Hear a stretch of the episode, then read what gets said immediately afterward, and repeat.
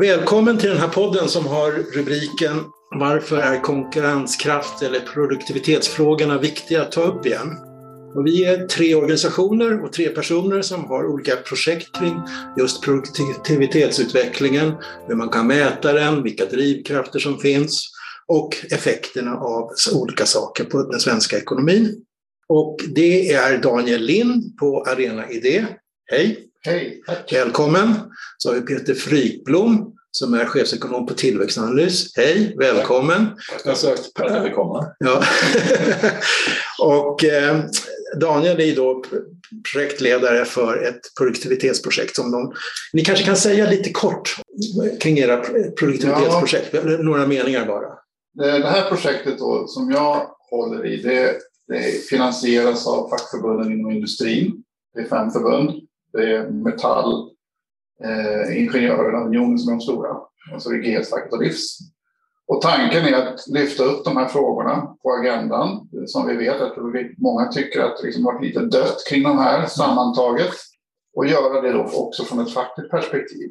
Eh, så att eh, höja kunskapsnivån, bidra till politikutveckling och lyfta fram industrins betydelse. Där. Mm. Ja, vi hade motsvarande syften ungefär. Mm. Vi startade ganska samtidigt. Vi har ett projekt som tittar på vad politikerna kan göra åt produktivitet. Men egentligen så är det rätt mycket ett allmänbildningsprojekt där vi tittar på hur produktiviteten har varit, eh, vilka är komponenterna i den, eh, hur viktigt är humankapitalet, hur är skillnaden mellan eftersläntrare och fronten och förändras det gapet? Än så länge har det varit mer allmänbildning än politikutformning. Okay, tack. Och jag heter då Enrico Diacco och jag har också ett konkurrenskraftsprojekt, kallar vi det, här på Entreprenörskapsforum. Och det har väl nästan samma syfte och mål som ni båda två. Vi tittar på industrin framför allt och framför allt fyra större temaområden. Ett handlar ju om innovation och entreprenörskap. Ett temaområde kompetensförsörjning. Ett om energiförsörjning och ett om regelutveckling och infrastrukturutveckling. Så alltså breda, breda, breda stora frågor helt enkelt. Jag ska också vara någon form av, jag, kan, jag kallar det inte moderator, men jag måste ställa lite frågor så vi kommer igång helt enkelt. Här. Och eh, jag kommer väl också delta i diskussionerna, inte bara ställa frågor. Och vi har väl sagt så här att vi ska inte grotta ner oss i specifika detaljer här som energiskatternas liksom vara eller icke-vara. Eh, och inte de konjunkturella frågorna heller som är viktiga naturligtvis, men kanske inte eh, någonting som vi kommer att debattera om, utan det är huvudsakligen att vi målar med breda penslar och på lång sikt, hoppas jag. Så får vi se var vi hamnar någonstans. Får jag bara också säga lite grann att jag tycker precis som Daniel att det här är liksom frågor som har varit lite grann sådär i skymundan. Den förra regeringsförklaringen 2021 nämnde ordet näringsliv en enda gång när jag räknade på det. Det var andra frågor som var viktiga då och prioriterade. Den här nya regeringsförklaringen har ett, en större ambition när det gäller den typen av frågor. Man har till och med ett helt avsnitt som handlar om produktivitetstillväxt och sådär. Så det är ett bra tillfälle att snacka om det här. Eh, och våra projekt löper ju under två, tre år helt enkelt, så att eh, det kommer att komma en massa saker kring det. Bra! Det är väl tillräckligt med introduktion i varje fall. Så går vi över då till frågorna lite grann här då. Jag har sagt konkurrenskraft slash produktivitets. eh, eh helt enkelt. Ekonomer pratar ju egentligen inte gärna om konkurrenskraft egentligen, utan man vill prata om andra saker, produktivitet inte minst och sådär. Den här nobelpristagaren Paul Krugman, han sa vid något tillfälle “It's a dangerous obsession” att prata om det. Eh, så vi kan väl egentligen börja där. Alltså, vad är egentligen konkurrenskraft och hur mäter man det helt enkelt på bästa sätt? Och finns det liksom ett mått som på något vis ändå förklarar det här på ett, på ett eller annat sätt? Jag vet inte, vem vill börja? Jag kan börja. Ja. Mm. Um, det som du säger så är ekonomer lite tveksamma till begreppet konkurrenskraft. Vi kan prata om det på företagsnivå uh, enligt, enligt Krugman, där vi då tittar på hur företag kan konkurrera, hur företag kan sälja sina produkter till, till sådana priser så att de kan få en avkastning på kapitalet. Kan de det, då är de konkurrenskraftiga. Uh, men länder blir svårare, för länder är inte, är inte företag. Eh, det är svårt att mäta det här. Det finns många försök där ute eh, Det mest kända just nu är kanske World Economic Forums eh, Global Competitiveness Index där man då väger samman tio olika indikatorer som inbegriper lite allt möjligt. Där produktivitet är en av dem. Man tittar på institutioner, man tittar på lag, lagar och regler allmänt, skattetryck och utbildningsnivåer etc. Ehm, så det är lite, det är lite konståkning över det där, mm. man bedömer det här. Och Sverige ligger generellt högt där. Vi åker upp några platser, ibland vi åker ner några platser. Men det är så lite skillnad runt omkring det berör oss. Så det säger inte så jättemycket.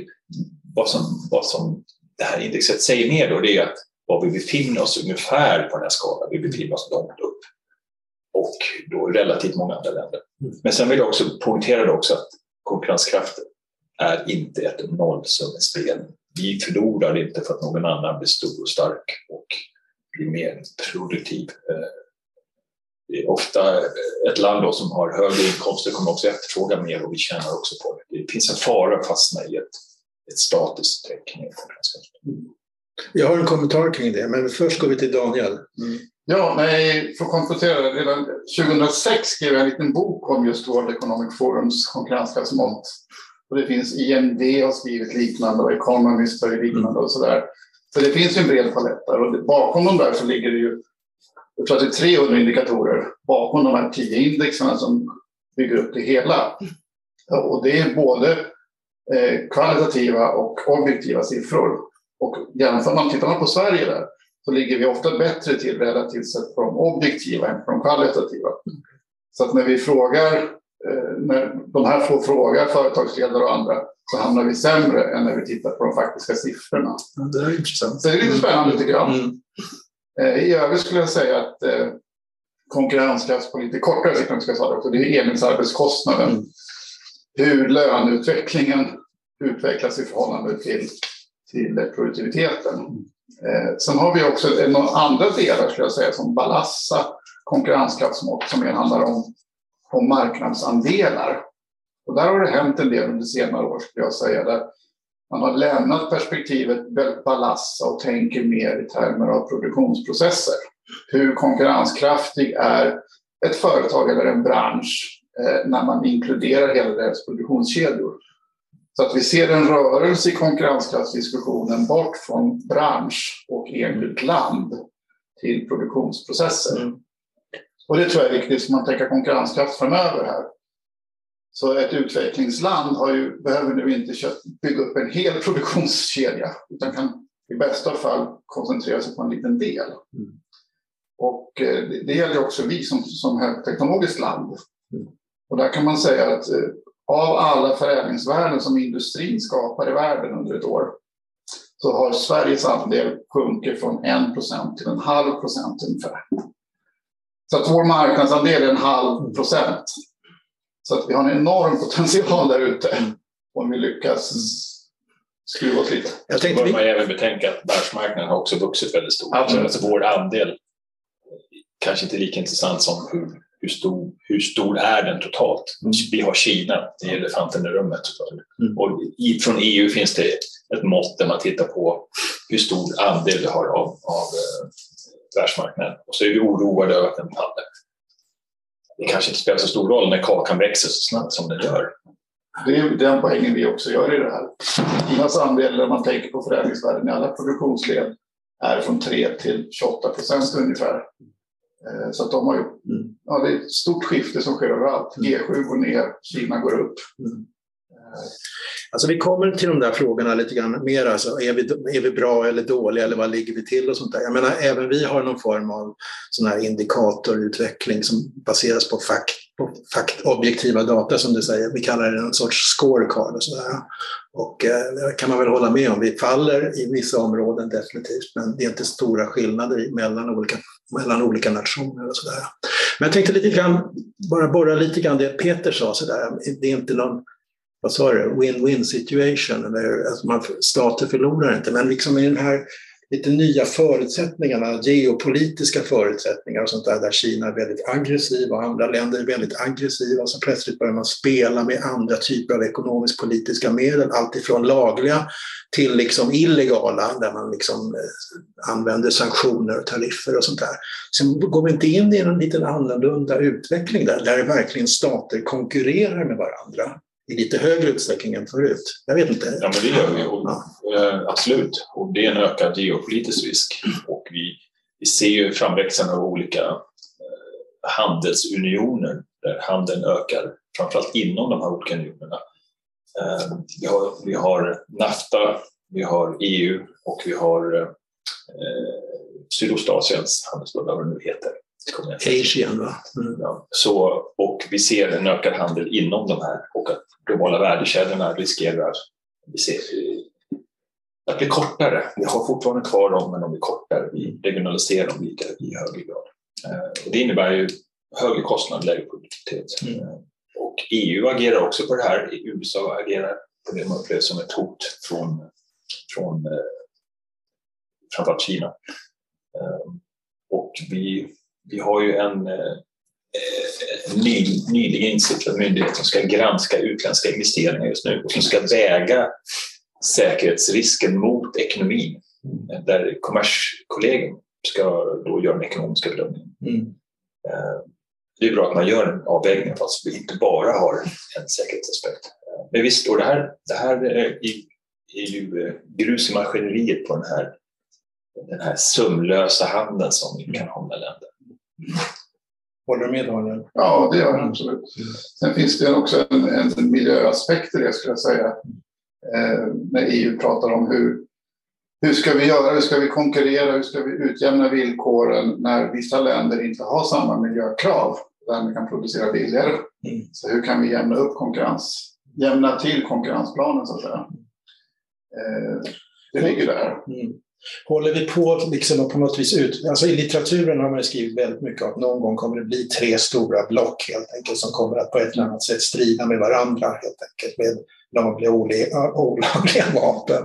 Är vi på väg dit? Kanske. Ja, eh, frågan är vad USA tar vägen i det här. Jag ser ja. i varje fall Europa och Kina, ja. Europa och Sydostasien. Men det är väl inte alls otroligt att det är så. Ja. Men sen har det har ju alltid funnits en rivalitet med de stora blocken mm. där det kan ta olika lång tid att få olika produkter godkända innan man får använda någon annans marknad. Striden kring vem sätter standards för olika produkter. Mm. Eh, det är ju inte, det är inte bara godhjärtade söndagsskoledeltagare i den här diskussionen. Jag vill flika in bara, vi hade ett seminarium här med, webbinarium med Paul Antras från Harvard för några veckor sedan. Och eh, hans grundhållning är att globaliseringen kommer att fortsätta ungefär som nu. Men två saker. Det ena är att Trump hade rätt i så mått att vi måste tänka mer geostrategiskt. Vi kan inte liksom bara tänka marknad utan också tänka vad är vår självförsörjning för att klara oss i, i svåra situationer. Säkerhetspolitiken. Säkerhetspolitiken, absolut. Eh, det andra är ju spåret är ju, eh, när man tror att vi pratar mycket om reshoring. Han pratar mycket om sank kost. Mm. Har det en gång flyttat så är det väldigt svårt att ta tillbaka. Det man kanske kan hoppas mer på det är liksom ett relativt skifte. Att nästa fabrik inte placeras där utan någon annanstans. Och så mycket reshoring ser man åtminstone inte, inte i statistiken. Nej, man gör inte det. Så att, eh, lite grann är det kanske fromma förhoppningar. Liksom man har byggt in sitt system som, som det är svårt att ta sig ur, så att säga. Det tar ju tid. Vi, ja. vi gjorde en enkät i början av pandemin tillsammans med Svenskt Näringsliv där vi tittade på, på företagsledningar och hur många som vidtog åtgärder eller planerade att göra som en följd av pandemin ökade risker. Och då såg vi, vi såg vissa saker som stack ut. Det var att många hade börjat fundera på, på större lager, man funderade på fler leverantörer, ha leverantörer närmare just in time åkte ut helt mm. enkelt. Nu har Svenskt Näringsliv fortsatt att ställa de här frågorna vid tre ytterligare tillfällen. Det är jätteförändringar här mm. sedan 2020. Mm. Det är, det är svårt att ha en referensnivå här, men det är, siffrorna är väldigt, väldigt höga. Mm. Väldigt höga. Mm. Det här driver kostnader. All, allt det här gör, gör det svårare med den sömlösa handeln som jag pratade om. Um, och uh, sänker därmed produktiviteten också. Vi kom genast ifrån huvudfrågan under det här temat. Men det var bra. Det är bra. Vi kommer nog säkert tillbaka till det där. Det var lite, vi började lite grann med mätningar och sådär. Eh, ja. Men jag har ett spårare till tänkte jag. Okej. Jag tänkte på, jag tittade på OECDs produktivitetsmanual innan jag gick hit. Mm. Och när man tittar då BNP per timme i västvärlden så ligger Norge och Danmark jättehögt.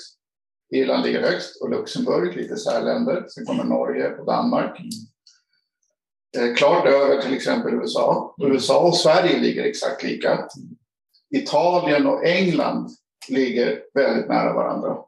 Mhm. Så väldigt olika västerländska samhällssystem genererar ungefär samma produktivitetsnivå på samhällsnivå. Eh, vad beror det på? Ja, vi kommer till den Ja, frågan. vilka krafter är det som gör det? Absolut. Ja, det ska vi diskutera, absolut. Mm, Det är bra. Kan vi enas då om den här mätproblematiken? Alltså, behöver man många? Om man nu vill liksom, är produktivitet det är överhuvudtaget det man ska titta på? Eller ska man också använda sig av andra indikatorer, om det nu är scorecard eller index eller sådär? Vilket är bäst? Det är ett mått.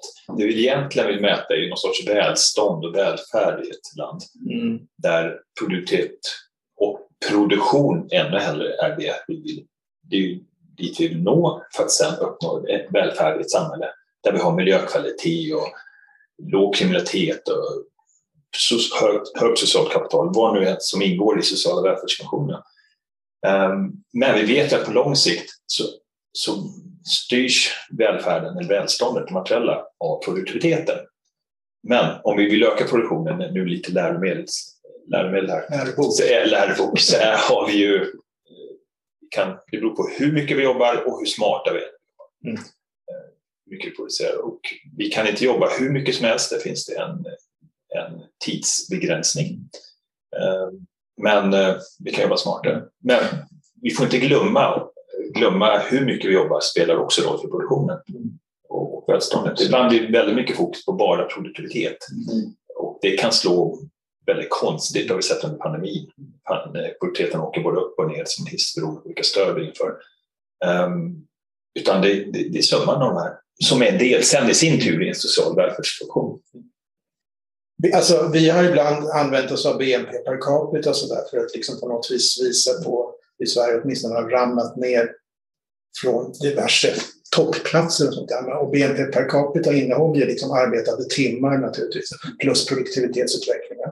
Och det som har drivit BNP per capita i Sverige är ju väldigt mycket arbetade timmar naturligtvis.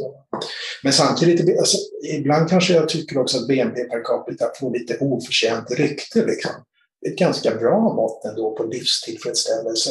Det är korrelerat med BNP per capita ganska mycket. Så, där. så det är inte ett dumt mått, tycker jag personligen. Jag vet inte vad ni säger. Ja, så länge man inte, tycker jag, hamnar i en eh, polemiserande position som Svenskt Näringsliv har haft i alla år om välståndsligan och Sveriges tapp och det där. Mm. Det tycker jag har lett lite fel. Mm. Eh, Men i grunden så är det jättebra att se hur, hur mycket producerar vi per timme och hur många jobbar vi? Hur mycket jobbar vi? Det, det tycker jag är, liksom, det är grundförutsättningen som Peter säger. Mm. Sen är frågan hur man uppnår det och det, hur det sen ska fördelas i världen. Mm. Ja, Jag får backa lite bara där. Så, den brittiska produktivitetskommissionen har precis släppt en rapport om vad ska ingå i produktivitetsbegreppet. Täljare och nämnare. Vi har lätt tänkt företagets förädling mot timmar. Där tänker man mer samhällelig nytta, värde för medborgarna. Det är det som är det ultimata då, lite grann välfärdsfunktionen här då. Mm. Eh, Så jag tror att vi rör oss lite grann bort från de klassiska måtten eh, till att mer inkludera de utmaningar vi har i vår tid idag. Och vad är de måtten då i den där studien? För Ja, nej, jag är inte helt säker på om jag har förstått den än, men jag ska gå tillbaka och skriva om det tänkte jag. Är det någon sån här happiness? Nej, nej, utan det är hårda frågor. Liksom. Ja, Det är inte well-being, utan det är, okej. det är hårda frågor. 2017 släppte Finansdepartementet i vårpropositionen en, ett index till att försöka, mäta välfärden i samhället, där produktionen är en del. Eh, Och så har man, hade man åtta, nio andra. Jag borde veta det för jag var ansvarig för det, det har gått några år. Eh, Vi, vi landar väl inte i något butanskt happiness index, men vi försökte nyansera lite och se att det finns många andra aspekter som är viktiga. Mm. Kan man, jag tänkte att vi alltid skulle försöka på något vis att visa vår enighet, eller oenighet om den nu finns. Men här finns det en enighet ändå, kanske att man måste titta på ganska många indikatorer ändå för att få, en sorts uppfattning om hur vi ligger till gentemot andra och hur vi rör oss och sådär. Men att kanske produktivitet är inte det bästa måttet. Det beror på vad du ska mäta. Ja, okay. Och det beror också på tidsperspektiv. Vi kan kortsiktigt få stora förskjutningar. Ehm, och då är vi, om vi sitter och är väldigt närsynta så tappar vi helt, den större bilden. Ehm, produktivitet är ett sånt där det slår väldigt mycket upp och ner. Där är val av jämförelseperiod exempelvis väldigt viktigt.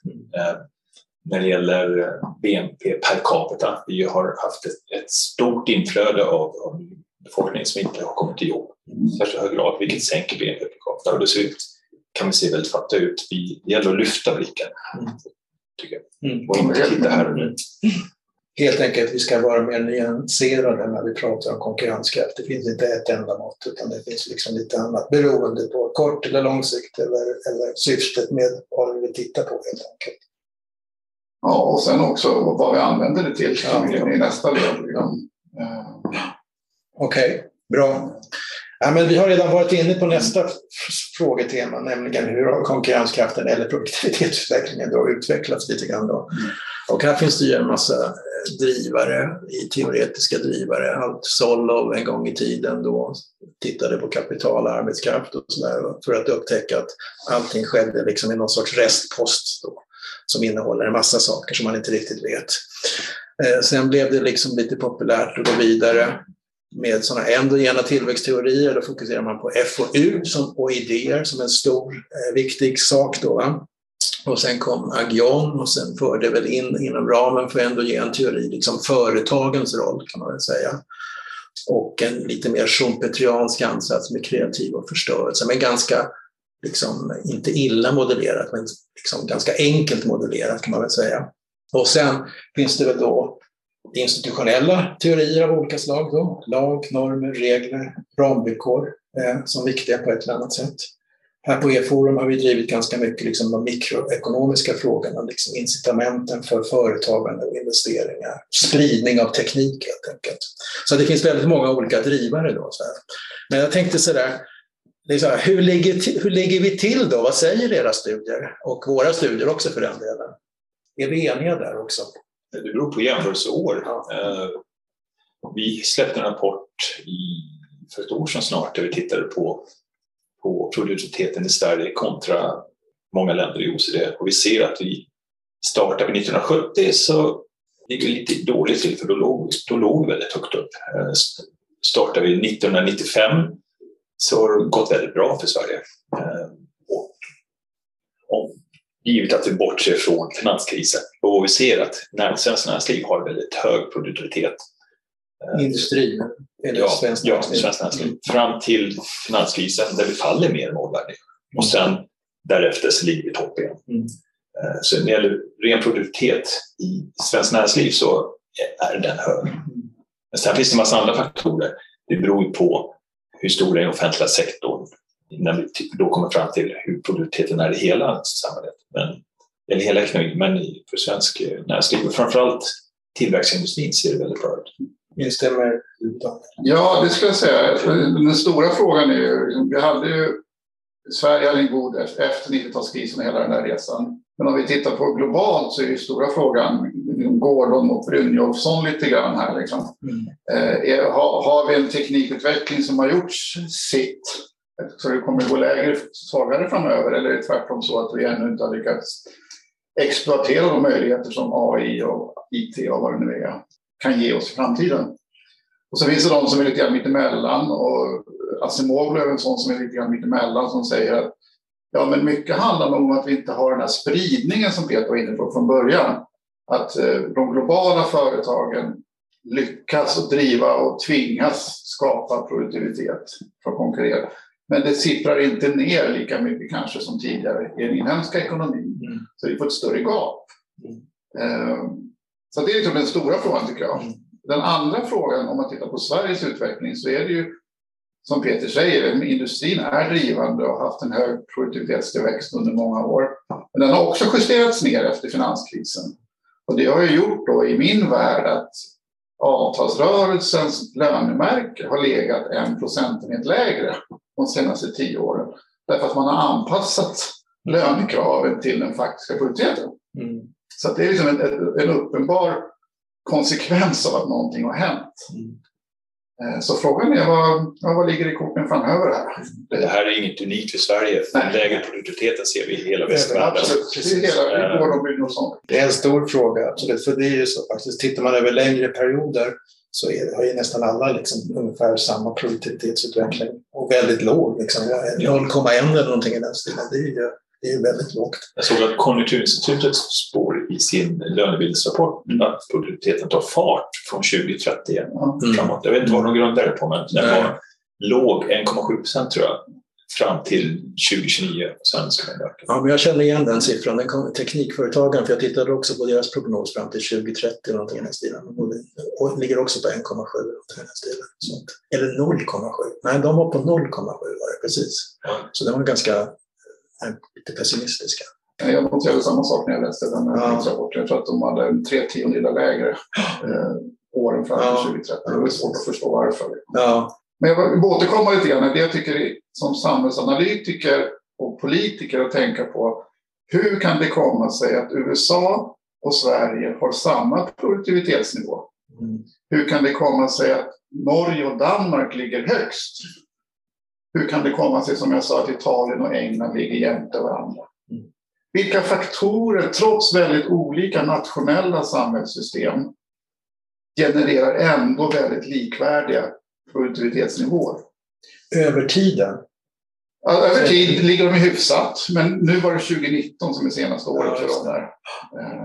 Men är inte lite väl statisk analys om man tittar på ett år bara? För det kan ju, då kan det ju väl vara så i och för sig.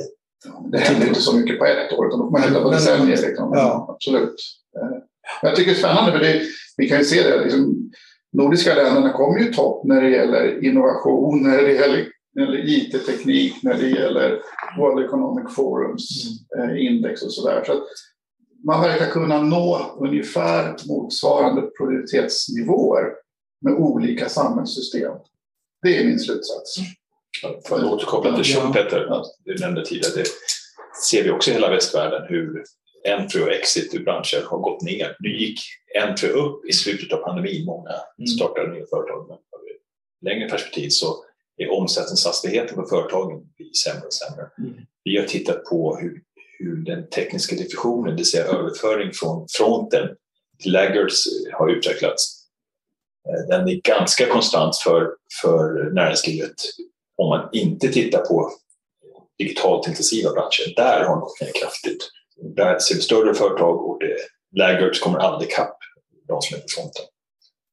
Så där behöver vi titta på vad det är som har hänt. Och det gäller även för immateriella företag som baserar sin kunskap mycket på immateriella tillgångar. Där är det också en väldigt dålig diffusion ner till, till risk. Men om man tänker på Daniels eh, liksom, analys här med de här produktivitetsnivåerna, men det, säger inte det någonting om att teknik eller organisatorisk kunskap sprids i en global värld ganska snabbt på något vis? Då? Det är ganska till och med svårt kanske på något vis ett enskilt land att under åtminstone under längre perioder vara mycket duktigare än andra länder, exempelvis. Då. Är inte det en slutsats? Jo, för mig är det det. Ja. Eh, vilka är de generella trenderna som gör att det blir ungefär lika? Håller du med Peter? Nej, då betyder det att det spelar ingen roll vad vi gör. Nej, exakt. Ibland hamnar man i den slutsatsen.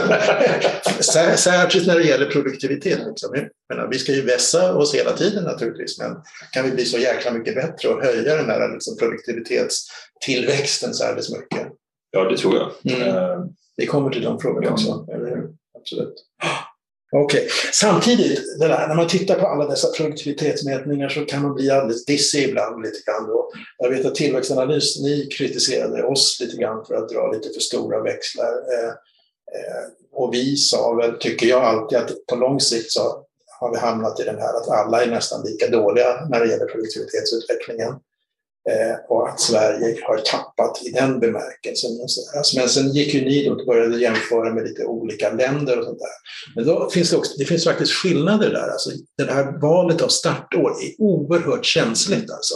Därför att jag har sett andra analyser av eh, teknikföretagen och sånt där, tittar man på något annat år liksom, så plötsligt, vi är ju bra naturligtvis, men vi är inte, så, liksom, vi är inte så där på toppen då. Liksom. Vi ligger efter Schweiz och vi ligger efter ytterligare några länder och sådär. Så att val av startår är ju totalt centralt, vilket är ett problem tycker jag. Fast du talar igen för det du säger. Det blir någon sorts konvergens. Ja. Det spelar bara roll när man tittar. Fast i så fall skulle de flesta i-länder nu vara lika rika. Det finns ju skillnader. Ja. Nej, men där är det andra saker som spelar roll också i och för sig. Inte bara produktivitet. Sånt. Ja. Ja, men om man tittar på BNP per person som sagt, mm. så är det ju, har vi ju en skillnad på jag vet inte om det kanske är 30 procent som skiljer mellan, mellan, USA, mellan England och, och Norge till exempel. Mm. Så det, det, är ju faktiska skillnader. Mm. Ingenting man bara kan tänka är fel marginal. Så, mm. så att visst kan man göra något. Mm.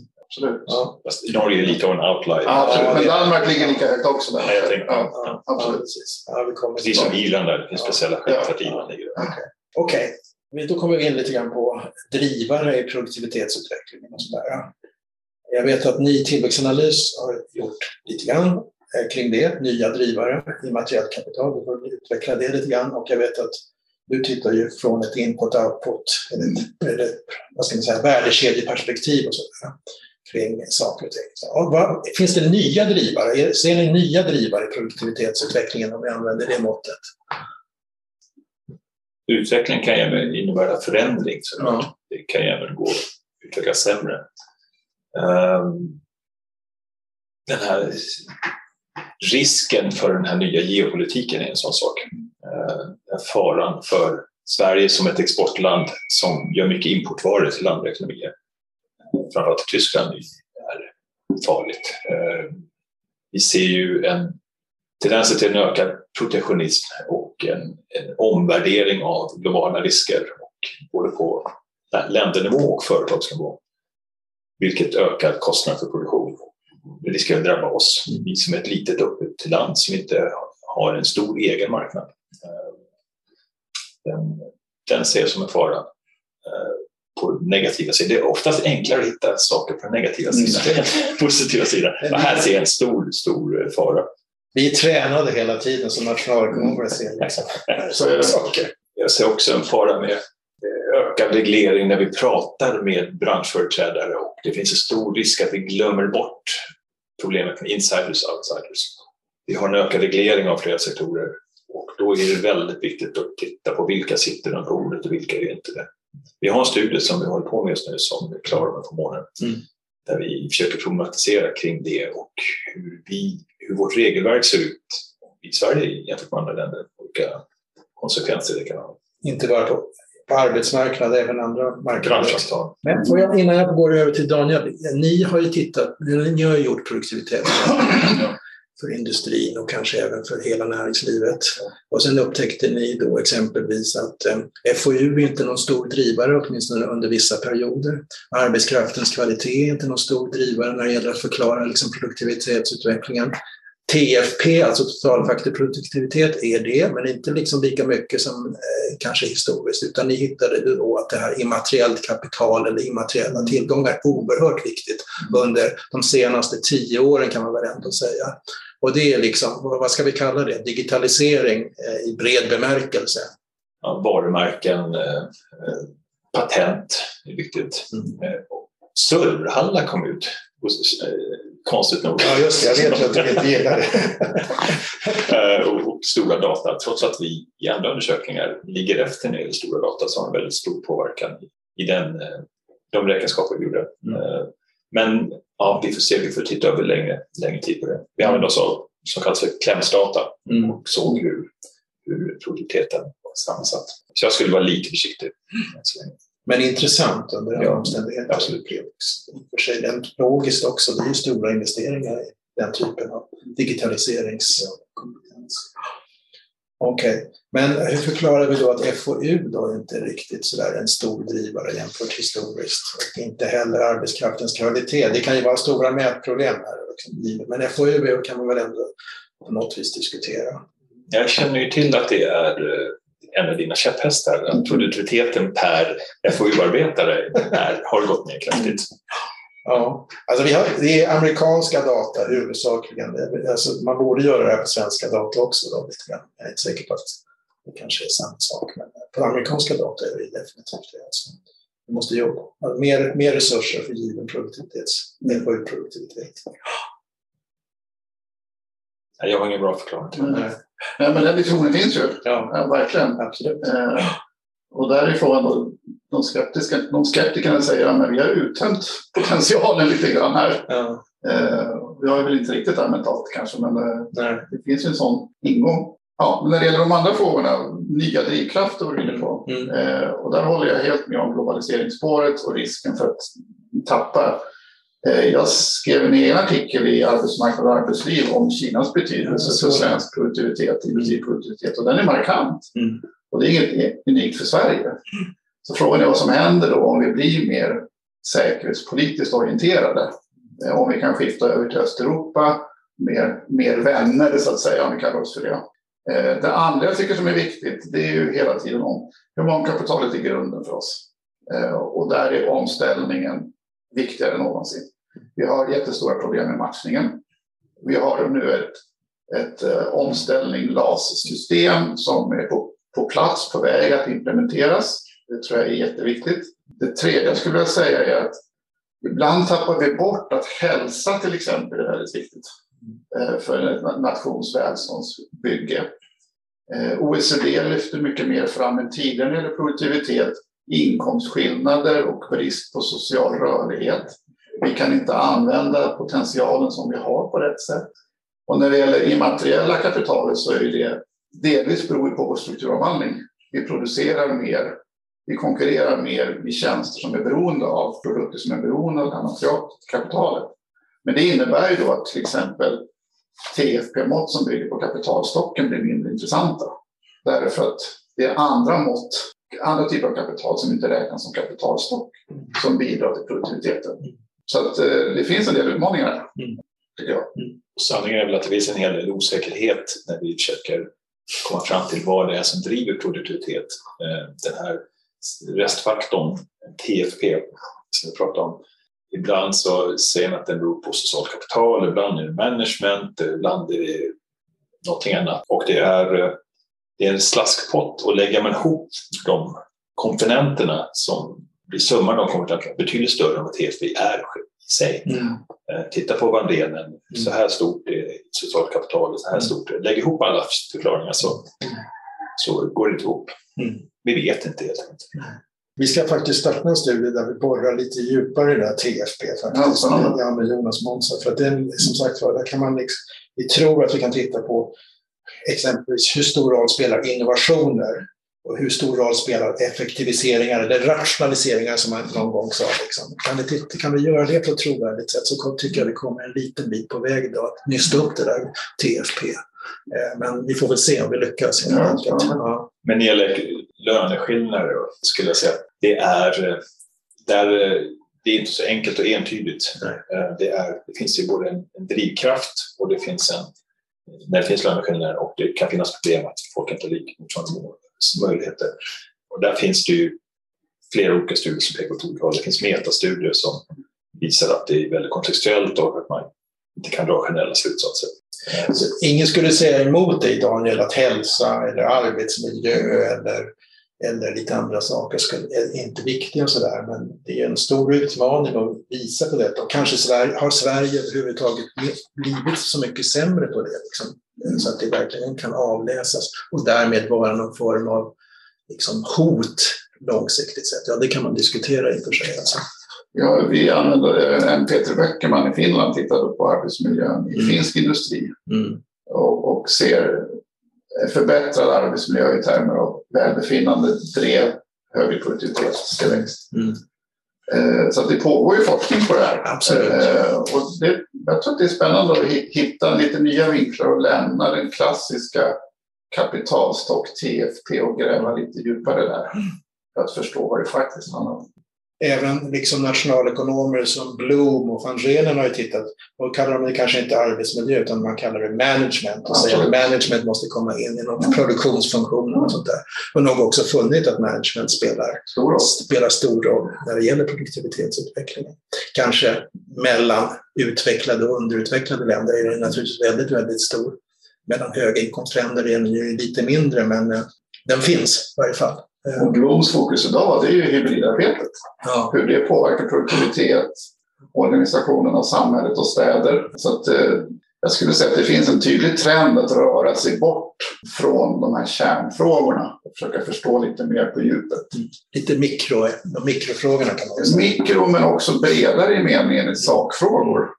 Men vi är inte där ännu. Vi är inte där. Nej. Nej. Fortfarande den där restposten är lite grann ett mysterium eh, faktiskt det, kan, det är enkelt att säga liksom, entreprenörskap, tror jag, är ändå väldigt, väldigt viktigt naturligtvis. Och andra faktorer också. Mycket av vår, vår produktivitet och välstånd bygger nu på att vi befinner oss i den här smiley-kurvan man brukar prata om, före produktion, efter produktion och själva produktionen. Mm. Där vi har en ökad andel som jobbar med försäljning, design, eh, marknadsföring, det vill säga förtjänster och eftertjänster i förhållande till produktionen. Om vi nu får kortare globala värdekällor för att öka osäkerhet och ska få hem produktionen så innebär det att vi behöver omlokalisera. Det kan också sänka vår, vår produktivitet och vår tillväxt. Så vi, vi plattar ut den här, eller vi befinner oss inte i ändarna av den här produktionskällan längre, så vi kanske måste ha större delar av produktionskällan. Med automation och sådana där saker? Mm, kanske löser en del. Alltså, ni, jag hade en sån där fråga, vad, vad, vad, vad, tycker ni är bekymmersamt? Det har ni i och för sig lite svarat på här kring globalisering lite grann. Men arbetsmarknaden, när man tittar på sådana här olika typer av index och indikatorer och så där, hamnar ju alltid på något vis eh, liksom som ett problem, ett svenskt problem. Eh, och eh, i vår scorecard som vi har gjort 2017 och sen 2019 och kanske någonstans däremellan så stå, blinkar det fortfarande rött i, liksom den här scorecarden. Det vill säga när vi mäter arbetsmarknadens funktionssätt på lite olika sätt med lite olika så är det problematiskt i Sverige. Trots hög sysselsättning och sådär. Vill ni kommentera det lite grann? Kan du fördjupa det, vad du, vad du menar? Vad, vilka indikatorer och vilka ja, Nu kommer jag inte ihåg exakt vilka indikatorer, men alltså det är incitamenter för att arbeta, eh, exempelvis, av olika slag. Skatter kan det väl också vara, den typen av frågeställningar. Eh, lite annat också. Jag måste titta då djupare i det. Mm. Sen har, brukar vi alltid dessutom diskutera den här matchningsproblematiken då. Alltså beverage curve, om man mäter det med beverage-kurvan så liksom går den utåt ganska mycket då, som visar på någon form av strukturellt problem. Möjligtvis håller vi på att ändå kanske göra vissa förändringar till det bättre när det gäller arbetsmarknaden funktionssätt. Men fortfarande liksom hamnar vi ganska problem med arbetsmarknaden. Enligt den där indikatorn i varje fall. När företag lägger ner så har Sverige internationellt sett otroligt bra statistik på att få arbetare i, att få folk att hitta nya jobb. Vi hade en studie som vi tittade på vad händer med folk en, tre och fem år efter nedläggningen. Och efter fem år så hade 96 procent ny arbetsplats. De som hade svårt att hitta jobb var framförallt folk över 60 och folk som hade några typer av mentala problem väldigt många. Inom åtta eller tio månader så hade 90 procent hittat en arbetsplats. Och så har vi våra omställningsorganisationer som också är unika, som vi bidrar till. Så vi har en, en hög rörlighet. Men det jag vill komma till, i vår policy har, har ju varit en lång tid att vi ska skydda arbetarna och inte företagen. Där ser jag en rörelse som inte är bra. Mm. Det här omställningsstödet är bra, det är ett sätt att skydda arbetare eh, och höja kompetensen. Men korttids stödet till korttidsanställningar är inte bra. Då går vi mot ett system som vi har nere på kontinenten där vi börjar skydda företag. Vi hade ett system sedan tidigare där vi skulle koppla in kort, stöd till korttidsanställningar vid svåra kriser där, där Konjunkturinstitutets indikator gick under jag tror 45 eller 40. Där skulle man koppla på det här. Nu har vi ändrat stödet till att företag ska kunna få stöd oavsett konjunkturläge. Mm. När en myndighet och dess tjänstemän ska sitta och bedöma om företaget har, är livskraftigt och har möjlighet. Det är det vi har banker till. Mm. Eh, det här riskerar att och eh, försämrar strukturomvandling, det som har varit en svensk paradgren, där vi tar hand om våra arbetare på ett väldigt bra sätt. Det ser jag som en fara. Sen när det gäller arbetsmarknaden handlar det väl också om att vi har en stor grupp människor som, så att säga, med lågt humankapital som har flyttat in och som drar ner siffrorna ganska mycket också förstås. Alltså. Det, ja, vilket är en stor problematik i sig. Alltså. Jag tänkte säga det, jag tycker inte att det är rättvist att säga dra slutsats från svenska arbetsmarknadens funktionssätt för att vi har varit extremt generösa under ett antal år att ta emot ett antal mm. utifrån kommande. Mm. Och det ger oss en väldigt stor utmaning. Mm. Men att säga att det i sig, det ökar liksom per capita, minskar per capita-siffran, det, det, tycker jag inte är schysst. Däremot, liksom, hur, hur, bra kan vi på sikt få in de här? Mm. Eh, det andra jag skulle säga kopplat till omställning bara, det är ju eh, när man förhandlade om LAS för tio år sedan, då gjorde Svenskt Näringsliv och PTK en undersökning tillsammans där man frågade företag där de har ställt om, varit tvungna att säga upp folk. Det visade sig att arbetsgivarna var mycket mer nöjda än löntagarna. Den här processen att de kunde säga upp nästan vem de ville. Mm. Så att frågan blev snarare, är det för liberalt här? Mm. Så att nästa gång de skulle göra en uppföljning på det, då ville Svenskt Näringsliv inte göra den. Därför att det visade för positivt. Så att det, det bekräftar att vi, vi tror att vi har hårda regleringar och är alldeles för stela. Snarare så är det, vi har väldigt flexibla system. Ibland kan man undra om, om det har gått för långt. Eh, det är liksom verkligheten. Mm. Eh, det tredje jag skulle säga, korttidsstödet tror jag är helt rätt. Vi får inte vara, trots att jag är facklig representant så att säga, i bakgrunden, så det kan inte vara så att det är en myndighet som sitter och bestämmer det där rakt upp och ner. Utan det ska, finanskrisen 2008-2009 var det jättebra. Hade det funnits eh, bättre, det fanns väl lite finans, eller 90-talskrisen i början. Det fanns väl inte fullt ut då, det fanns väl lite tror jag. Mm. Eh, men hade det funnits där så hade vi haft en bättre utveckling. Det tror jag. Mm. Så att man får inte använda det här som en rädda jobb-funktion. Mm. Däremot så att säga, rädda liv när det blåser riktigt snålt. Mm om vi kallar det för det. I motiven till det här, den här nya designen så anger man att man använder det ner på kontinenten. Mm. Men kontinenten har inte samma eh, goda siffror på omställning som vi har. Så det argumentet haltar. Mm.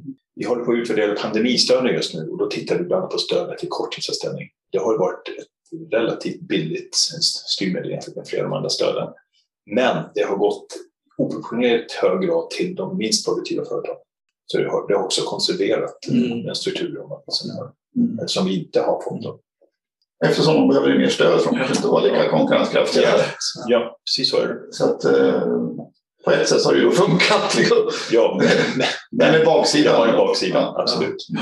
Man brukar ju prata om zombieföretag, så att, men jag vet inte om det stämmer att det är så många zombieföretag. Det, kanske det kan bero på andra anledningar. Mm. Eh, som att de ingår i stora koncerner och man väljer att lägga vinsten där där eh, det är lönsamt. Okay.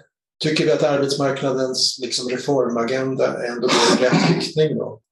Eller finns det något mer att göra? Jag tycker två saker. Det ena är som jag sa omställningsbehovet mm. som, som nu täcks lite grann. Mm. Vi får se vad, om regeringen skjuter till ordentligt med pengar. Nu gör man inte det. Man, man bekräftar reformen men har inte skjutit till pengar. Det andra är ju kompetensbristen och den är inte heller unik för Sverige. Nej. Så det verkar vara något brett funktionsproblem mm. som inte går att lösa. Mm. Det tredje jag skulle säga, om jag får lägga till det, det är när du tänker rädda jobb, rädda människor, så har vi idag en a-kassa som ligger på europeisk låg nivå, trots att den nu behålls på sin pandeminivå. Så att vi ska inte tro att vi är överskyddade via de statliga systemen. Däremot har vi inkomstförsäkringar på många förbund mm. som, som toppar upp. Mm. Men alla förbund har inte den möjligheten att sprida risken. Och man kan också filosofiskt, tycker jag, argumentera för att varför ska någon tvingas vara med i ett fackförbund för att få en rim, ett rimligt skydd om man förlorar jobbet i en kris? Så där tycker jag att staten ska kliva in och ta ett större ansvar. Peter, vill du kommentera någonting? Eller? Jag håller med om det mesta, men samtidigt så är det en eh, försäkring i ett svårt läge. Det är inte meningen. Meningen är att folk ska hitta tillbaka till arbetet och det är de som inte gör det som får problem. Och är skillnaden för litet mellan att ha ett jobb och inte ha ett jobb så, skapar det också problem. Men det, jag har inget definitivt svar. Men de här kompetensförsörjningsfrågorna, det är ju, alltså jag kommer ihåg mitt första jobb var på IUI där jag skrev om teknikerbristen och sådär. Alltså, vi har ju upplevt liksom, 30 år av samma diskussion liksom, med problem på, i den avseendet. Liksom, bristen på liksom, yrkesarbetare, bristen på tekniker, bristen på många andra och sådär. Vi verkar aldrig kunna lösa det där. Var, var, liksom, var, ligger, den, var ligger den gordiska knuten? Är det liksom högskolorna som, eller är det incitamenten till, till, till högskolorna som är fel? Vi har för många som läser samhällsvetare som vi eller för lite tekniker. Kan, man, kan, kan du reflektera lite grann? Samtidigt ser vi inte att lönerna för ingenjörer stiger särskilt mycket. Mm. Om det nu är som brist som man har påtalat i massa år, varför är inte lönerna högre? Sen kan man också undra, är det STEM-utbildare då generellt som saknas eller är det STEM-utbildare med nya kunskaper som kommer ut från universiteten? Kan det vara så att de, att de är attraktiva under tio år och sen är de inte där? hur ser den här bristen ut? Eh, det här är ett projekt som vi precis tittar på, Bra myndigheten, mm. Eh, startar upp. Finns det brist egentligen? Sen ska vi också komma ihåg att arbetskraftsinvandring löser en del av det här. Mm. Vi, har, vi tar fortfarande emot 5 6 7 tusen IT-tekniker per år. Gör det bra mycket enklare för det svenska teknikområdet, framförallt i storstäderna. Åker man tunnelbana i Stockholm och så där så ser man hur mycket liksom, språk som pratas faktiskt. Det tycker, jag, det tycker jag är kul och viktigt också för Sverige, absolut. Men just matchningsproblemet är ju inte bara en högskolefråga. Nej. Utan det finns också på andra lägre utbildningar. Också. jag kommer bara ihåg när jag tittade på 90-talet på, på Arbetsförmedlingens siffror. Det saknades de här CNC-operatörerna. Mm. De saknas fortfarande. Mm. Alla år har det funnits. Det är någonting som inte... Mm. Jag vet inte vad det är. Mm. Men det verkar heller inte vara unikt för Sverige. I hela västvärlden så ser vi, har vi brist nu på lågutbildade eller tjänster, enkla servicetjänster. Folk finns inte de längre. Det är ju försöka få tag i en resebyrå eller gå in på fik eller vad som helst. Det, saknas brist på den typen av enkla tjänster. Frågan är var de tagit vägen. Har de gått in i skolan så kan det vara bra för produktiviteten på sikt. De kanske äntligen har börjat läsa helt enkelt. Vi vet ju inte var de har tagit vägen. En del tror man kan ha försvunnit via lång-covid, andra har lämnat arbetsmarknaden, andra kanske pluggar. Jag vet, vet du Daniel hur det ser ut i Sverige? Så det, det som är paradoxen är också just, vi har ju sånt högt arbetskraftsdeltagande. Det finns ju knappt något land i världen som, som har så få unga needs som inte finns på arbetsmarknaden på något sätt, mm. eller utbildning. Eh, så på det sättet har vi ändå ett system som styr oss in mot att göra något. Eh, men ändå har vi inte matchning, trots att vi har den här ganska stora poolen både förhållande till andra. Jag har inget svar, jag vet inte. Den här bristen på enklare tjänster och folk som jobbar med de tjänsterna, de, det, det, är också internationellt, inte bara i Sverige. Nej. Men det ser vi lite överallt. Men är det verkligen det? Att det är samma brist? Ja. Mina källor, i det här fallet är Economist, och det, USA och England har precis samma problem som vi har. Ja. Okej, okay. vi löser inte det där. kanske om vi träffas om tio år då, så kanske vi har någonting. Men jag tror en faktor som inte, du pratade om, om varför drar inte lönerna iväg för de mm. högutbildade? Mm. Eh, och en del i det är ju att löneglidningen generellt har minskat i Sverige de senaste 15 åren. Mm. Så att vi får mindre i genomsnitt pålägg på det centrala märket. Mm. Eh, och där menar ju jag att där skulle Svenskt Näringsliv tjäna på att flytta upp, öka löneglidningen lite grann för att det skulle göra att arbetsmarknaden fungerade bättre. Nu är det mer för att det är det centrala märket som ska läggas över alla och då blir det svårare att stimulera de som gör bra ifrån sig, som är högutbildade och så. Det är, det är en fundering tycker jag om att märket har blivit för styrande. Att det inte skapar den här lokala lönedynamiken. Samtidigt som det var det man var lite orolig för tidigare. Ja, men precis. Om man ska dra iväg för mycket, absolut. Det är inte det jag menar, utan snarare tvärtom. Att ha ett märke, men att ha det som tanken att det skulle vara en procentenhet ungefär över för flexibiliteten. Så absolut inte att släppa märket och liksom dra iväg. Men hur kommer det sig att inte de här eftertraktade personerna får högre lön? Vad beror det på? I nya branscher tenderar ju lönen att dra iväg. Eh, ja, det gör det. Finansbranschen mm. eller mm. plattformar, företagen. Där drar det iväg. Det är svårare med de här äldre företagen som finns. Jag, jag har en studie också som ska komma ut om några veckor som tittar på tjänstesektorn. Och sen har jag gjort en, en uppdelning i tjänster för tjänsteföretag som levererar till andra tjänsteföretag och företag som levererar till tillverkningsindustrin. Så jag har tittat på löneutveckling och sådana där saker. Och det, är ganska, det är stor skillnad. Det är mycket större spridning på de här tjänsteföretagen som levererar till andra tjänsteföretag. Så där verkar det finnas liksom någon form av lönedynamik ändå jämfört med till, tillverkningsindustrin. Där det, kan, där är det kanske då mer lägre, högre fackföreningsgrad, mer, som, man, som man inte ska skylla på, liksom, men att det kan förklara en del av detta i varje fall. Då. Möjligtvis. Liksom. Jag, ska, jag gör inte för stor sak, men den finns där i varje fall, så det kan bli lite intressant. Ja. Bra. Alltså, vi är tämligen ganska eniga om drivarna på något vis. Vi är inte oeniga. Man kan väl ändå säga kanske att när man tittar på produktivitetsutvecklingen och sånt där så är det liksom andra drivare än vad det var tidigare. Det är inte arbetskraftens kvalitet eller det är inte FoU utan det är liksom en mer komplex bild som rymmer mycket mer, allt från management arbetsmiljö till lite andra saker också. Immateriella tillgångar inte minst. Håller ni med? Eller ni får säga emot också. Men jag tänkte vi skulle ställa en fråga till oss själva. Om, om du var statsminister för en dag och fick genomföra tre stora reformer för svensk produktivitet, mm. vad skulle du göra? Skulle vi landa då fortfarande i kapitalstocksfrågor så att säga, eller vad skulle vi göra? Mm. Ja, men då kommer vi på dagens sista tema. Ja, okay, förlåt. Ja, förlåt. Det är perfekt. Ja. Vem vill ta bollen? Du Peter. Vi behöver arbeta både på ett mikro och ett makroperspektiv. Vi kan börja på det enkla makroperspektivet vi måste fortsätta vara en röst i EU och andra sammanhang för frihandel, för, för uh, vara emot strategiska satsningar, eh, vara, vara Storbritannien fast de inte är kvar. Där gör Svenskt Näringsliv ett stort arbete idag som jobbar hårt med anställningar. En eloge till dem. Det är en av de få rösterna nu som, som, eh, tycker jag, som pratar om det. På mikroperspektivet um, vi bör titta på problemet med, med överföring av teknologi från fronten till, till Vad beror det på? Vi bör försöka se på möjligheterna för kreativ störelse. Och i det ingår exempelvis då att göra av med det här nuvarande design av korttidsanställning.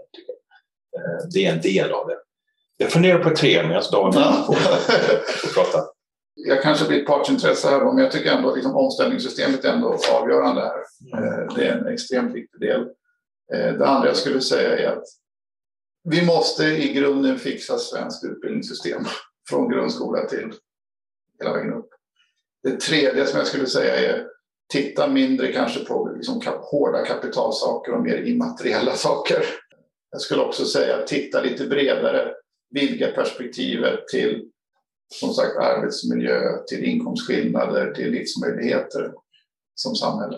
Alltså, vi säger väl, tror jag, samma saker egentligen. Alltså, vi tror ju väldigt mycket på, jag talar för entreprenörskapsforum här nu, som lagar, regler, normer, alltså institutioner i klassisk bemärkelse, som så att säga påverkar man säga, företagandet, att investera och att bilda nya företag och sådär. Det, det är ju ingen kris, men alltså man kan ju alltid vässa sig i mångt och mycket.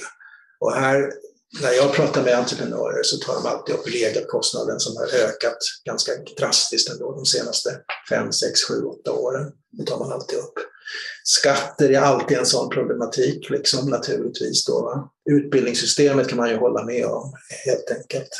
Men på något vis tycker jag mycket av diskussionen man pratar om hur man kan liksom accelerera den här utvecklingen handlar väldigt mycket om att hitta den där storsläggan på något vis. Men vi, jag tror att ett land måste nästan tänka lite grann som en företag. Hur kan vi vässa oss hela tiden på något vis? Då? Osthyvla lite ja, ja, osthyvla lite grann.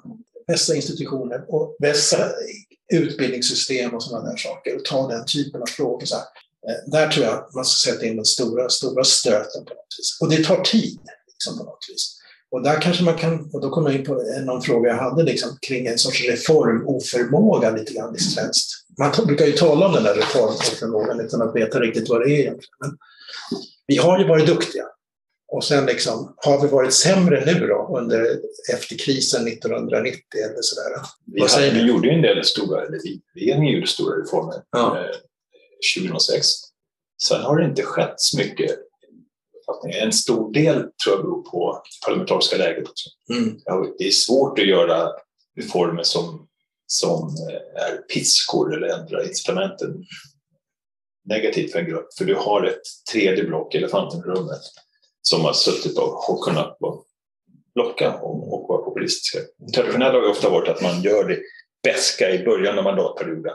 Sen slänger man ut morötter innan valet man kommer. Men nu har det varit svårt att göra de här bäska även i början. Det har vi sett på, i tre mandatperioder. Man brukar ibland säga att en orsak till att vi gjorde alla de där stora reformerna då, 90-talet och sådär berodde på krisen och sånt där. Men det stämmer inte på något vis egentligen. Det har nog gjorts lite grann också.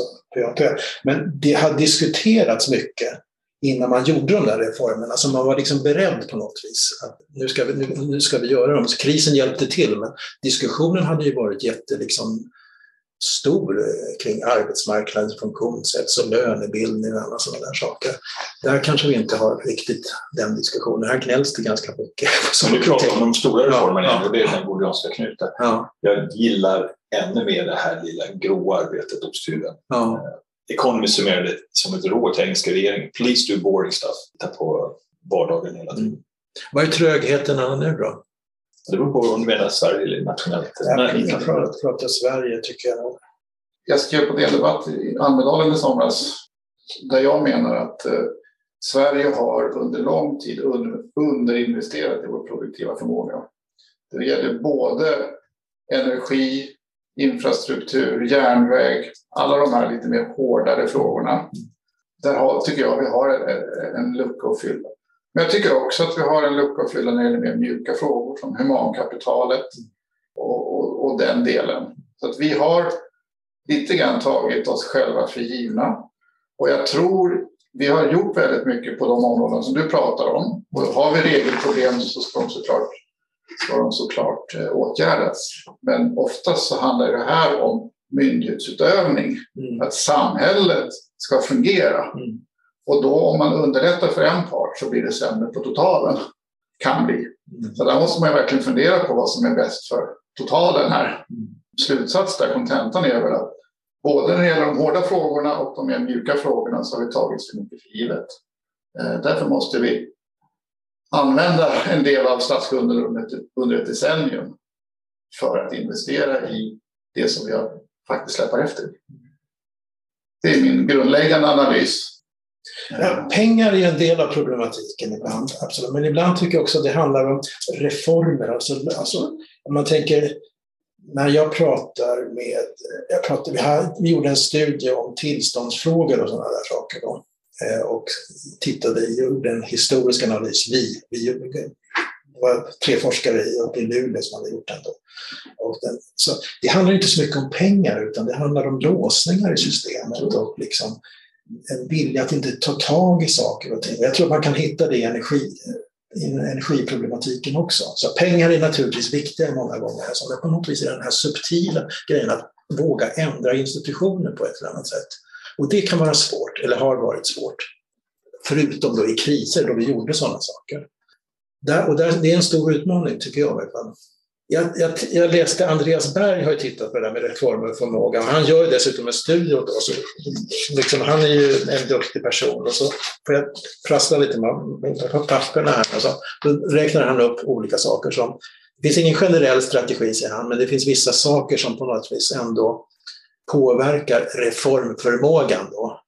Och det, det första är ju då att man kompenserar förlorarna. Det har Sverige varit ganska bra på. Eh, det andra är att man har tur. Det tredje är att man, en kris hjälper till. En fjärde är att man kan smyga igenom saker och ting, vilket man har gjort många gånger. En femte är ju att byråkraternas roll faktiskt har varit ganska viktig. ATP-historien brukar man prata om. Det var en ganska liten grupp. Det får inte vara för stora grupper. Eh, det kan vara ett sätt.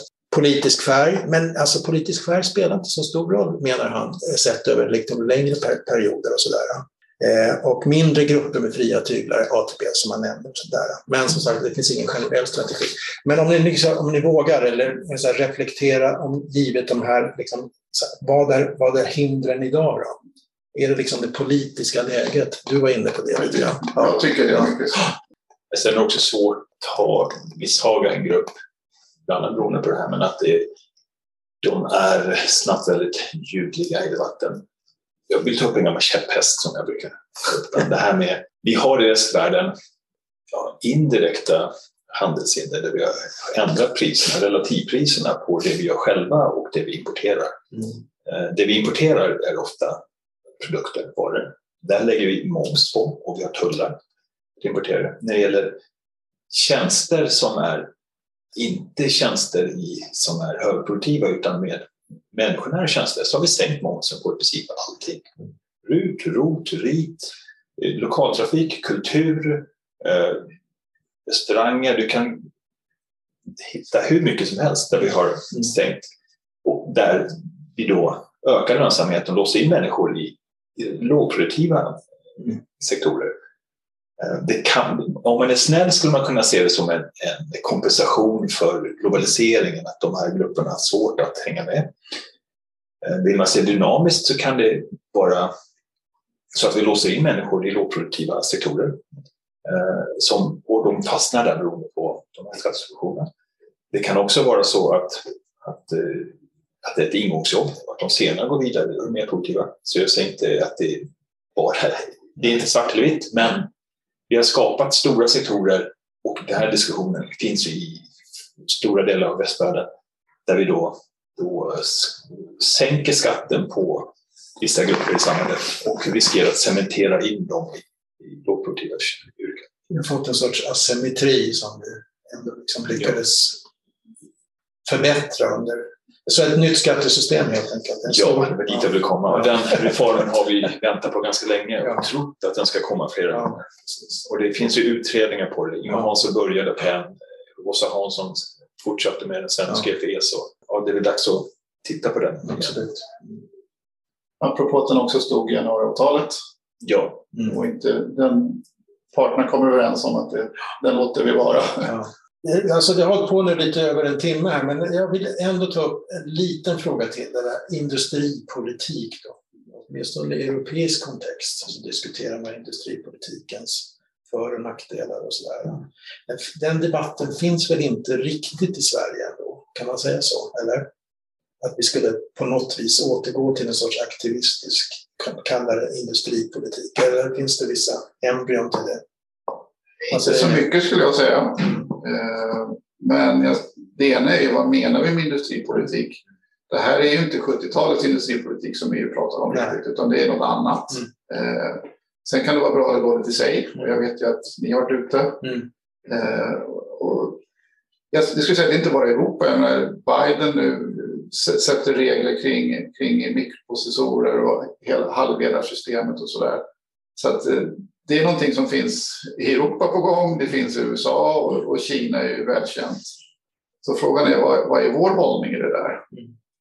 Eh, och lite grann som jag var inne med från början, ibland tror jag att det kan vara bra för att utjämna konkurrensvillkoren genom att man, man får betala för, med en tull om man inte har skött sitt miljöåtagande innan man kommer till Europa med sin produkt. Det tycker jag är, det är, det är marknadsutjämnande på lång sikt. Men pick winners tror jag inte på. Mm. Däremot fundera på vad, vad, vad, vad kan vi göra inom den kontexten vi har nu? Och vad är ditt svar? Nej, men jag tror att vi kan vara, vi har ganska mycket av det i Sverige ändå, lite grann som branschsamtal och parter och arbetsgrupper. Så lite grann så har vi nog det som efterfrågas mm. i Europa, eh, skulle jag säga. Vi pratar väldigt lite om EUs näringspolitik i Sverige. Mm. Eh, vi borde prata mer om det som påverkar oss så mycket som det gör. Både gäller handelspolitiken och eh, den aktiva näringspolitik som man har idag. Vi pratar om det själva på vår egen myndighet, att vi är alldeles för oinsatta. Men det är som vanligt i Sverige, är inte så jätteintresserade av vad EU håller på med egentligen, trots att de tar sig större och större befogenheter. Så det borde vi engagera oss mer i. Sen har, jag måste invända lite mot Daniel, det här med utjämna för uh, olika miljötillstånd, olika delar. Det beror på vad det är och det är ett sluttande plan. Det, snabbt kan det bli någon typ av protektionism här. Jag blir lite nervös när vi ska bara utjämna. En av de saker som vi ser som förbättras ganska snabbt i takt med att inkomsten ökar i länderna, det, det är miljön i de här länderna. Jag kommer ihåg på 70-talet när man pratade om otroligt dålig miljökvaliteten var i Japan. Så ganska mycket med Kina börjar man lyfta på blicken. vi har ju vi har ju någonting på gång i EU som heter klimattullar där man ska göra precis det här. Men det är kanske inte så mycket för att utjämna produktionskostnaden egentligen utan att få omvärlden till förhandlingsbordet och försöka utpressa. dem. och det, det kan ju vara lovvärt, men det riskerar också att utlösa ett gigantiskt handelskrig istället. Vi har ett seminarium på det på Tillväxtanalys i januari, men det kommer så bra. Mm. Men vi borde prata mer om, om, EU. Ja, det kan jag verkligen hålla med om. Absolut. Eh, för att där finns det vissa tendenser som kanske liksom rimmar illa med vår syn på handel. Och, Absolut. och då har vi en del oheliga allianser som ja. plötsligt finner varandra. Så det är jag är väldigt skeptisk mot. Själva rörelsen mot antiglobalisering. Ja. Definitivt, det är en av de stora problemen vi har. Mm. Eh, och delvis beror ju det på till exempel som USA, som David åter har visat, att handeln med Kina gör att folk dör i högre utsträckning av drogrelaterade död. De skiljer sig mer, de är mer social, beroende av social välfärd. Så man kan se en direkt koppling mellan globalisering, handel. Det påverkar också eh, hur man röstar. Det påverkar polariseringen i media och politik. Så här finns det en utmaning. Ska vi behålla de positiva värdena? Ja, men vad behöver vi då göra? Eh, och då kommer vi lite grann till frågan som vi inte har pratat om här egentligen, som är kärnfrågan. Det är ju vilka målkonflikter finns det i det här? Vad, vad, vilka är de här svåraste avvägningarna en människa, en organisation, ett parti måste göra? Eh, vi vinner det här, vi förlorar det här. Allt är inte win-win. Nej, det håller jag med om. Hur, hur gör vi det? Och det beror på tidsperspektiv. Men sen vill jag vända blicken mot när du säger globalisering leder till att folk tar livet av sig. Globalisering leder till att väldigt många har fått ökat välstånd. Absolut. En stor del av den här minskade produktionen i USA beror ju också på automatisering och ökad mm. effektivisering. Det har bland annat Johan Norberg visat och lagt upp siffror om. Sen har handeln naturligtvis spelat roll, alltså man omfördelar, men, men peka på allt elände som handeln leder till. Jag skulle säga att väl, välståndseffekterna är också stora. Jag skulle gärna vilja se andra skålen. Okay, många liv har räddats genom ökat välstånd om vi nu ska titta på handeln. Um, men det, men finns, jag förlor, jag... det finns ju förlorare av handeln, ja. men då, då får vi försöka ta hand om dem på andra, ja. via utbildningssystemen. Ja. Hur om. Det är det jag försöker säga, vi måste ta vara på de positiva. Men i USA gör man inte det. Och då får man också en politisk polarisering eh, som har gjort att folk får sämre liv, eller många får, eller en del får det. Eh, och det måste man ju beakta. Jag skulle inte vilja skylla politisk, politisk, den globalisering som sker, eller polarisering som sker i jorden heller på just är det de visat sina papper. Som ökade handel, utan det finns ju mängder av förklaringar till det. Det är ändå publicerat i American Economic Review. Ja, det är svårt att argumentera mot. alltså, debatten har varit väldigt mycket USA-centrerad och sådär, men alltså, samtidigt får man ju tänka, och det har slagit väldigt hårt mot liksom, ineffektiva företag, så redan det börjar där på något vis. Att, jag menar, stålindustrin var inte bäst i världen i USA och andra företag heller, så att säga. De drabbades extra hårt liksom, av den här plötsliga konkurrensen som globaliseringen faktiskt förde med sig. Så lite grann får de skylla sig själva kan man väl säga lite hårt så faktiskt. Jag, jag tänker på något vis, tycker jag, en, en sorts röd tråd under det här samtalet om vi ska avsluta lite grann då. Eh, ni får också säga någonting. Jag tänker på en, en intervju som han gjorde med Fredrik Reinfeldt när han avgick då. Och då var frågan så här, vad har liksom överraskat dig mest under de här åren som statsminister? Och då sa han så här, ungefär, det vill säga så mycket bestäms av omvärlden. Eh, var han liksom, det var hans stora sak.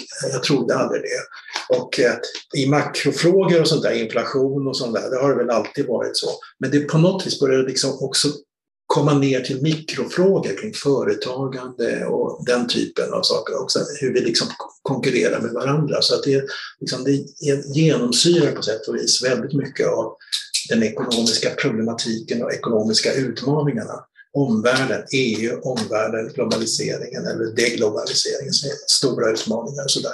Håller ni med? Absolut. Jag lyssnade på när de presenterade långtidsutredningen förra gången och då var det Claes Eklunds stora kommentar. Vi glömmer megatrenderna, vi är inte så oberoende av omvärlden som tror. En annan sak som vi kanske tycker också har kommit in nu, alltså vi tänker oss att de mikroekonomiska frågorna ändå är väldigt viktiga och sådär. Eh, är vi eniga om att det finns en potential då för ett litet land ändå att liksom på ett eller annat sätt bidra till ett företagsklimat som kan göra skillnad i, det i den här stora vida världen. Använd osthyveln. Använd osthyveln. Gör det på ett klokt sätt. Glöm inte målkonflikter. Eh, skillnad i stora världen. Skillnad för oss själva kan vi göra, men Mm. skillnad i stora världen har jag svårt att se. Det är väldigt svårt. Så osthyveln får vara den stora symbolen här helt enkelt och vår rekommendation till politi- politiken och sådär. Kanske vi avslutar lite grann. Eh, I Tidöavtalet så står det ju då att man ska eh, sätta igång en produktivitetskommission. Är det någonting vi bejakar? Jag är väldigt nyfiken på den, Ja. vad den innebär. Ja. Eh, Har du hört man, någonting? man har ju haft det i våra grannländer och det har inte blivit särskilt Nej. mycket av det.